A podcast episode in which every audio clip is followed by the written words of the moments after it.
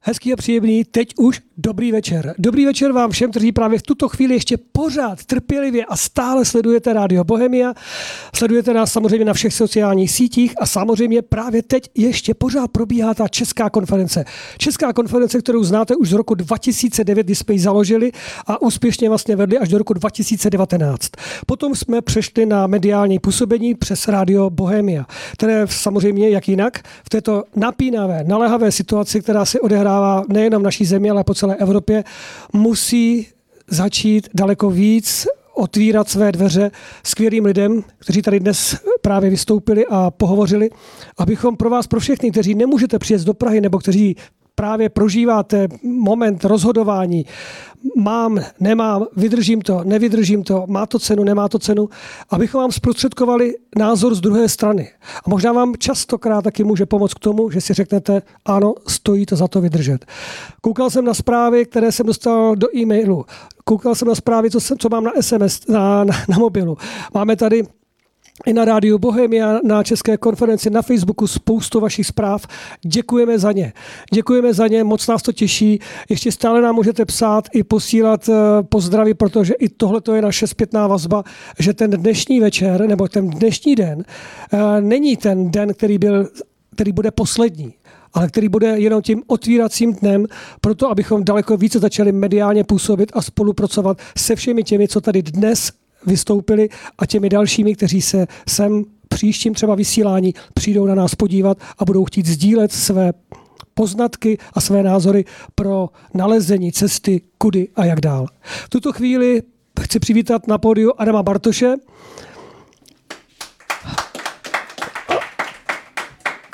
Jestli se nepletu, počkejte, jo, to. Dobrý večer.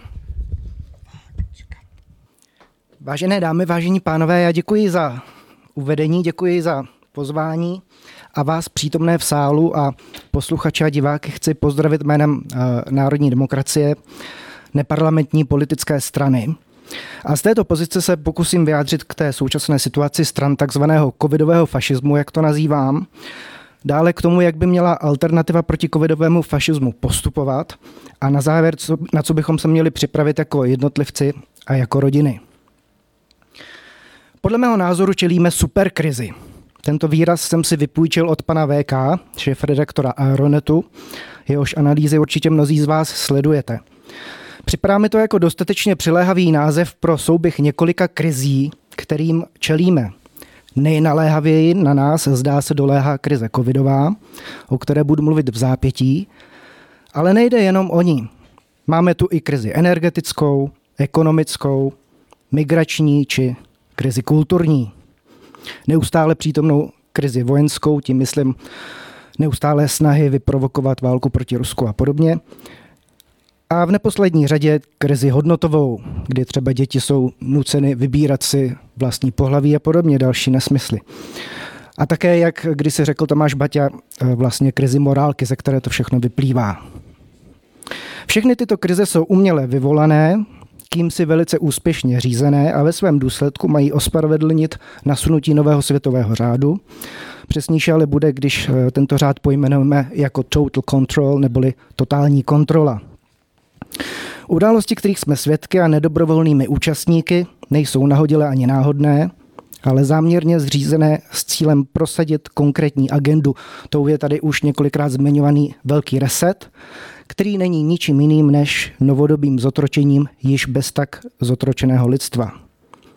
Jsem přesvědčen, že tuto superkrizi můžeme přežít a vyřešit, i když netvrdím, že to bude jednoduché.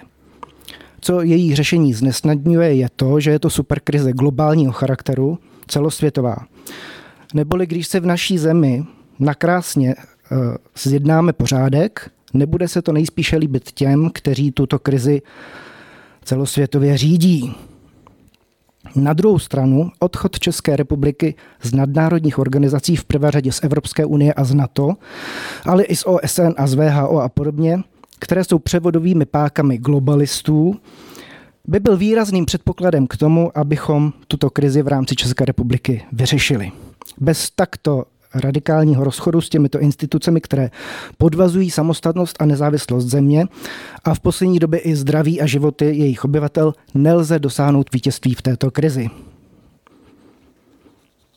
Tedy jsme pro okamžité vystoupení České republiky z Evropské unie a z NATO, ovšem bez referenda, na základě rozhodnutí vlády, protože víme, jak by takové referendum asi dopadlo, protože by bylo zmanipulované. A považujeme to za první předpoklad toho, abychom se z té superkrize dostali. Nyní k té aktuální situaci. Z toho krizového, nebo spíš bych mohl říkat superkrizového vývoje jsme se samozřejmě nepoučili. Ani my jako alternativa.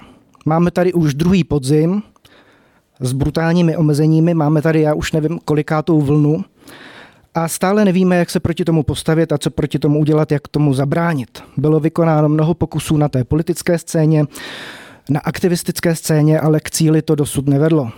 A je to o to těžší, že ve volbách, které byly nedávno, si lid vlastně zvolil pokračování téhož jenom v jiném politickém dresu. V podstatě to lid zlegitimizoval, odsouhlasil, schválil. Takže naše pozice je velice těžká. My nebojeme jenom proti tomu silnému nepříteli, ale v podstatě také proti pasivitě, nezájmu, strachu a fanatismu občanů. Když mluvím v množném čísle, tak uh, proč ho používám? Uh, já tím myslím ty různé vlastenecké strany, hnutí a spolky, o kterých tady byla řeč, které se poslední dobou snaží vymyslet, jak z té šlamastiky ven. Já oceňuji, že alternativa, alespoň po volbách, když už se to nepodařilo před nimi, se uh, usnesla, že sama to nezvládne, nebo ty strany jednotlivé to nezvládnou sami a že je potřeba usednout za ten společný stůl a jednat. A proto také jsme to jako národní demokracie eh, ocenili a připojili jsme se k tomu, i když tady eh, Tonda Bauží řekl takovou poznámku, která mohla vypadat tak, jako kdybychom to chtěli zabalit a stranu rozpustit, tak dalece nejsme, ale podporujeme ty aktivity, které tady eh, byly prezentovány. Na druhou stranu neexistuje-li ale stejný náhled na to, co jsem nazval prvním předpokladem pro to vyřešit tu krizi, čili to vystoupení České republiky z Evropské unie, tak se obávám, že je to jako kdybychom postrádali nějaký pevný základ, na kterém tu stavbu stojíme. A je to jako kdybych použil ten biblický příměr, jako kdybychom stavili tu stavbu na písku. Většina ze stran, které se považují za alternativu, se k tématu odchodu České republiky z Evropské unie vyhýbá jako čert kříži. Před volbami se dokonce snažili vytvořit dojem, že z Evropské unie by nebylo dobré a vhodné odcházet. A nebo si alespoň alibisticky se odvolávají na referendum, které víme, jak by dopadlo, jak jsem už naznačil před chvílí. Kladu si otázku, jak můžeme proti společnému nepříteli uspět, když nám není jasná tato základní věc. Jak můžeme dojít vítězství, když nedokážeme pojmenovat problém a když řešíme jenom následky a ne příčiny? Evropská unie přece je ten hlavní problém, ona nám neustále něco vnucuje. Ona nám vnucuje tu migranty, teď jsem jak Boris Johnson, jak tam hledal ty, v těch papírech. Tu nám vnucuje vakcíny, tu nám vnucuje nějaký Green Deal nebo euro, anebo dluhy jiných členských zemí. A máme to zapotřebí? Já myslím, že nemáme. A on na to ani nemluví, protože na to je v podstatě jenom druhou stranou téže mince. Dovolte mi, abych ještě u toho tématu spolupráce těch vlasteneckých nebo alternativních stran ještě zůstal, protože existují ještě další třecí plochy, které bychom měli překonat, je to v našem zájmu, ale přitom se na nich zbytečně vůči sobě vymezujeme a to i v této situaci. Myslím po volbách. Začnu jinak. Co vlastně alternativa, a teď tím slovem alternativa označuji vlastně tady to spojení těchto stran, co vlastně alternativa chce a co je jejím cílem? Chceme jen vytvořit novou stranu, která bude mít případně v dalších volbách větší šanci, než tomu bylo letos v říjnu? Existují nápady, trochu to tady zaznělo, že by se měly strany sloučit do jedné, že by se měla vytvořit nějaká nová struktura a podobně. Já si nemyslím, že to je dobrý nápad, i když chápu motivy, které k tomu vedou. A to ty motivy šlechetné i ty motivy, které u někoho mohou být méně šlechetnější. Co je ale hlavní problém, je to, že zde e, vnímám snahu, aby tato výsledná strana byla strana středopravicová, nebo dokonce možná pravicová. Protože já si nemyslím, že potom by byla ve společnosti poptávka. E, vemte si to, že v těchto volbách e, zhruba polovina voličů volila populistickou stranu pana Babiše. A řekněme teda trošku, když přimouříme oči, tak by se dalo říct, že ta druhá polovina voličů volila teda jakoby tu pravici. Protože řekněme, že nějaká poptávka po pravici tady zřejmě byla po tom, co tady pravice 8 let v podstatě nevládla. Ale jestliže tady byla taková ta poptávka, tak byla těmito volbami naplněná a zároveň platí, že jakmile se ta středopravicová nebo pravicová vláda ujme moci, tak si bude počínat tak proti lidově a takovým způsobem, že asi eh, velice brzy lidé začnou chtít eh, něco úplně jiného. Takže já si myslím, že strana, která by měla ambici oslovit v příštích volbách veřejnost, tak by určitě neměla mít nějaký eh, ekonomicko-liberální nátěr, ale že by měla mít program v podstatě odlišný. Jinými slovy, volný trh a nějaké libertariánské zásady osloví jen velice málo lidí, s tím si nevystačíme. Takže se vrátím k té původní otázce, co vlastně chceme.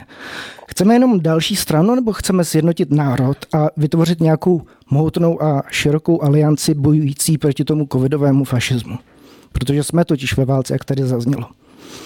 A nejprve v té válce musíme porazit toho společného nepřítele, než se utkáme zase mezi sebou, otočí koncepce nejlepší. A jsme opět u toho. Pokud je cílem alternativy zastavit to covidové šílenství a získat lidi na svoji stranu, nemůžeme stavět jenom na kapitalismu.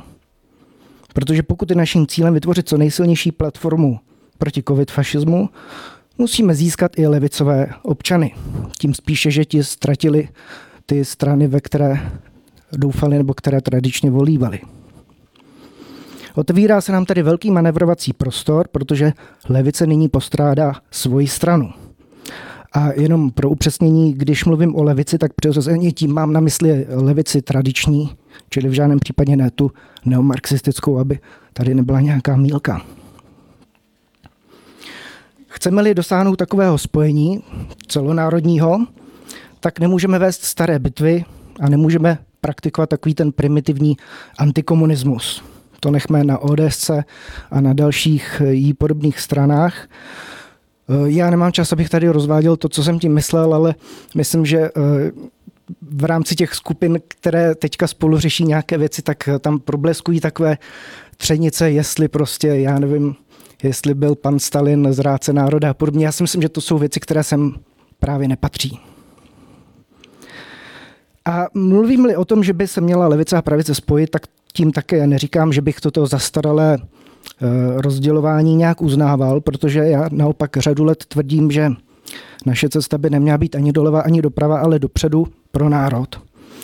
Že jak na pravici, tak na levici jsou nějaké hodnoty, které stojí za to podporovat a které jsou pro národ užitečné. A my bychom měli udělat syntézu těch obou systémů, co dobrého přinesli. To je ta pronárodní cesta, protože my si potřebujeme vybrat to, co je pro naši zemi, pro náš národ nejlepší a nehledět přitom na nějaké politologické nálepky. Tolik k té spolupráci alternativy a dovolte mi teď pár poznámek ještě k tématu, které nás momentálně trápí nejvíce, to je ta sanitární totalita nebo bílá mafie, nebo jak to budeme nazývat. Je to odporné spiknutí proti lidu, které nám momentálně ukazuje tu nejbrutálnější podobu ve snaze naočkovat i malé děti, naočkovat v podstatě všechny, a naočkovat nás povinně. Na tomto fóru snad nemusím uvádět, proč nám to protimysly a jaké výhrady k tomu očkování máme. Přesto se pokusím za národní demokracii se trošku úžej vymezit k tomu očkování, protože občas slycháme takový ten názor, který neurazí, ale myslím si, že je příliš mírný a to, že očkování by mělo být dobrovolné. Já tomu v zásadě rozumím, jak je to myšleno. Ale na druhou stranu podle mě to očkování proti covidu je nebezpečné, protože za prvé nefunguje a za druhé vidíme, že má spoustu negativních vedlejších účinků. A v tom případě, když jsme nebyli přesvědčeni o tom, že je bezpečné, tak bychom k němu měli přistupovat velice obezřetně. A dokonce bychom k němu měli přistupovat jako k něčemu, co má tendenci, nebo co může být hazardem s naším vlastním zdravím. A v širším měřítku hazardem e, národa se svojí budoucností a vůbec se svojí další existencí. Takže politické vedení země, které by o sobě tvrdilo, že je vlastenecké, by podle mého soudu mělo takové očkování úplně zakázat. To je jenom moje poznámka k očkování jako takovému. Co se týče politického řešení té krize, Já to v tom stávajícím systému nevidím, to řešení. Volby jsme prohráli z hlediska parlamentu a vlády, čili není co řešit. Další volby budou za čtyři roky, když třeba tady zaznělo od eh, Tandy Baudiše, že si myslí, že to může být i dříve. To samozřejmě se může stát, ale počítejme s tou horší variantou, že to bude další čtyři roky útlaku. Ale eh, já tady vidím určitou šanci a naději v prezidentských volbách. Na ty bychom se měli jako alternativa zaměřit. Protože prezident podepisuje zákony a prezident vstupuje do té veřejné debaty a ovlivňuje ji. Prezident Zeman z hlediska covidu naprosto selhal, protože on je zastánce očkování a zastáncem všech těch opatření. Jeho předchůdce si počínal mnohem lépe. Dnes se mluví o tom, že ambici kandidovat na prezidenta má pan Babiš. A pan Babiš i pan Zeman jsou v tomto smyslu z jednoho těsta. Oba dva jsou zastánci toho covidového fašismu. A proti něm se najednou vynořil Karel Janeček, jméno ne, neznáme, ale řekněme, že několik let měl nějaké jiné aktivity, on měl předtím nějaké politické snahy, pak se odmlčel a teď zase jsme o něm uslyšeli. A je to proto, že on má rovněž ambici uh, usilovat o post uh, funkci prezidenta. A jde na to tím způsobem, že se vymezuje vůči Eh, řekněme tomu, o kom si předpokládá, že bude tím hlavním kandidátem na prezidenta. Vymezuje se vůči panu Babišovi, který je zastáncem očkování a Karel Janeček eh, přišel s tím, že je proti očkování, což by se nám mohlo líbit, protože předpokládám, že my všichni tady jsme proti očkování. Ale podle mého soudu je nešťastné, když úlohu odpůrce očkování hraje člověk, který to podle mého soudu pouze předstírá a jehož postoj v této věci není vůbec jednoznačný. Já se trochu omlouvám, protože když jsem si to připravoval, tak já jsem nevěděl, že on tady bude eh, mít nějaký živý vstup.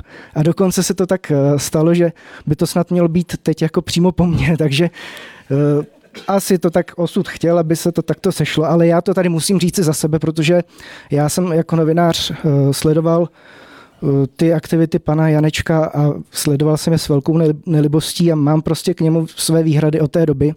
A byť teď říká to, co se mně jakoby líbí, nebo částečně se mně to líbí, tak eh, si říkám, jestli zatím není ještě něco jiného. A musím to tady říci, aby to zaznělo. A já si myslím, že za takto rozdaných karet, když bychom vzali to, že by eh, na prezidenta kandidoval Babiš a proti němu Karel Janeček, tak si myslím, že alternativa by v tu chvíli měla podpořit kandidáta, u něhož to odmítání vakcinace je dlouhodobým a konzistentním názorem. A tím nemyslím, abychom teď mezi sebou začali generovat nějaká jména a začali tahat nějaké jakoby králíky z klobouku, protože na to není čas. Situace je vážná. Myslím si, že ten někdo, kdo by měl získat podporu alternativy, by měl být někdo, kdo má velkou podporu veřejnosti a u koho se předpokládá, že by skutečně mohl vyhrát a zvítězit a že je dostatečně silným kádrem, že by porazil jak pana Babiše, tak pana Janečka. Někdo, kdo už v roce 2010 svým postojem ukázal, že z pozice nejvyššího ústavního činitele umí vzdorovat tomu tlaku farmakoloby, když vytrvale odmítal a ve své podstatě odpískal tehdy očkování pro proti takzvané prasečí chřipce, jestli se na to vzpomínáte. Tím jsem snad řekl dost, já nebudu říkat to jméno, protože vy si ho domyslíte, ale uh, podle mého soudu by to bylo asi nejlepší řešení, uh, jak z této uh, situace ven, kdy tady proti sobě stojí někdo, kdo chce očkovat a někdo, kdo pouze tvrdí, že nechce očkovat. Tolik k tomu politickému řešení. Dokud se superkrize více nevyhrotí, tak nebudou nové volby, takže jediné volby, které něco můžou ovlivnit, jak jsem říkal, jsou ty volby prezidentské. A na ty bychom se měli připravit, protože bude to veliký eh, politický boj. Vždycky prezidentské volby v posledních eh, letech byly velkým politickým soubojem. Vzpomeňme na, na pana Švejnara, na pana Schwarzenberka, Fischera a podobně. Takže na to bychom se měli zaměřit a udělat vše pro to, abychom Eh, toho kandidáta, který skutečně svůj odpor proti té vakcinaci myslí vážně, tak abychom ho podpořili. A ten, který, eh, ten jehož jméno jsem nezmínil, tak ten má eh, jasno i v některých jiných věcech, proti kterým rovněž vystupujeme, jako je třeba ten zmíněný, zmíněný Green Deal a podobně. Na aktivistické scéně řešení nevidím, tam podle mého soudu ničeho moc nedosáhneme nějakými poklidnými demonstracemi nebo happeningy a podobně. Tímto zločince porazit nemůžeme. Já neříkám, že takové akce nejsou důležité, oni jsou důležité, určitě se zítra setkáme na jedné takové demonstraci, ale eh, zkrátka tudy nějaká jakoby eh, jednoduchá cesta nevede. Takže to řešení já vidím na bázi rodiny a na bázi jednotlivce, to je to nejdůležitější, ochránit, ochránit sebe a své blízké. Neznamená to, že se vzdáme, ale že máme záložní plán, když všechny ostatní selžou. Takže ochránit svoji rodinu před terorem, zajistit její přežití, vychovat novou generaci a chápu, že to je dlouhodobý proces, ale v podstatě je to jediný spolehlivý způsob. Já myslím, že jednak tady už na mě jsou uh, ukazovány posunky, že mám končit a myslím si, že jsem řekl to, co jsem říci chtěl a děkuji vám za pozornost.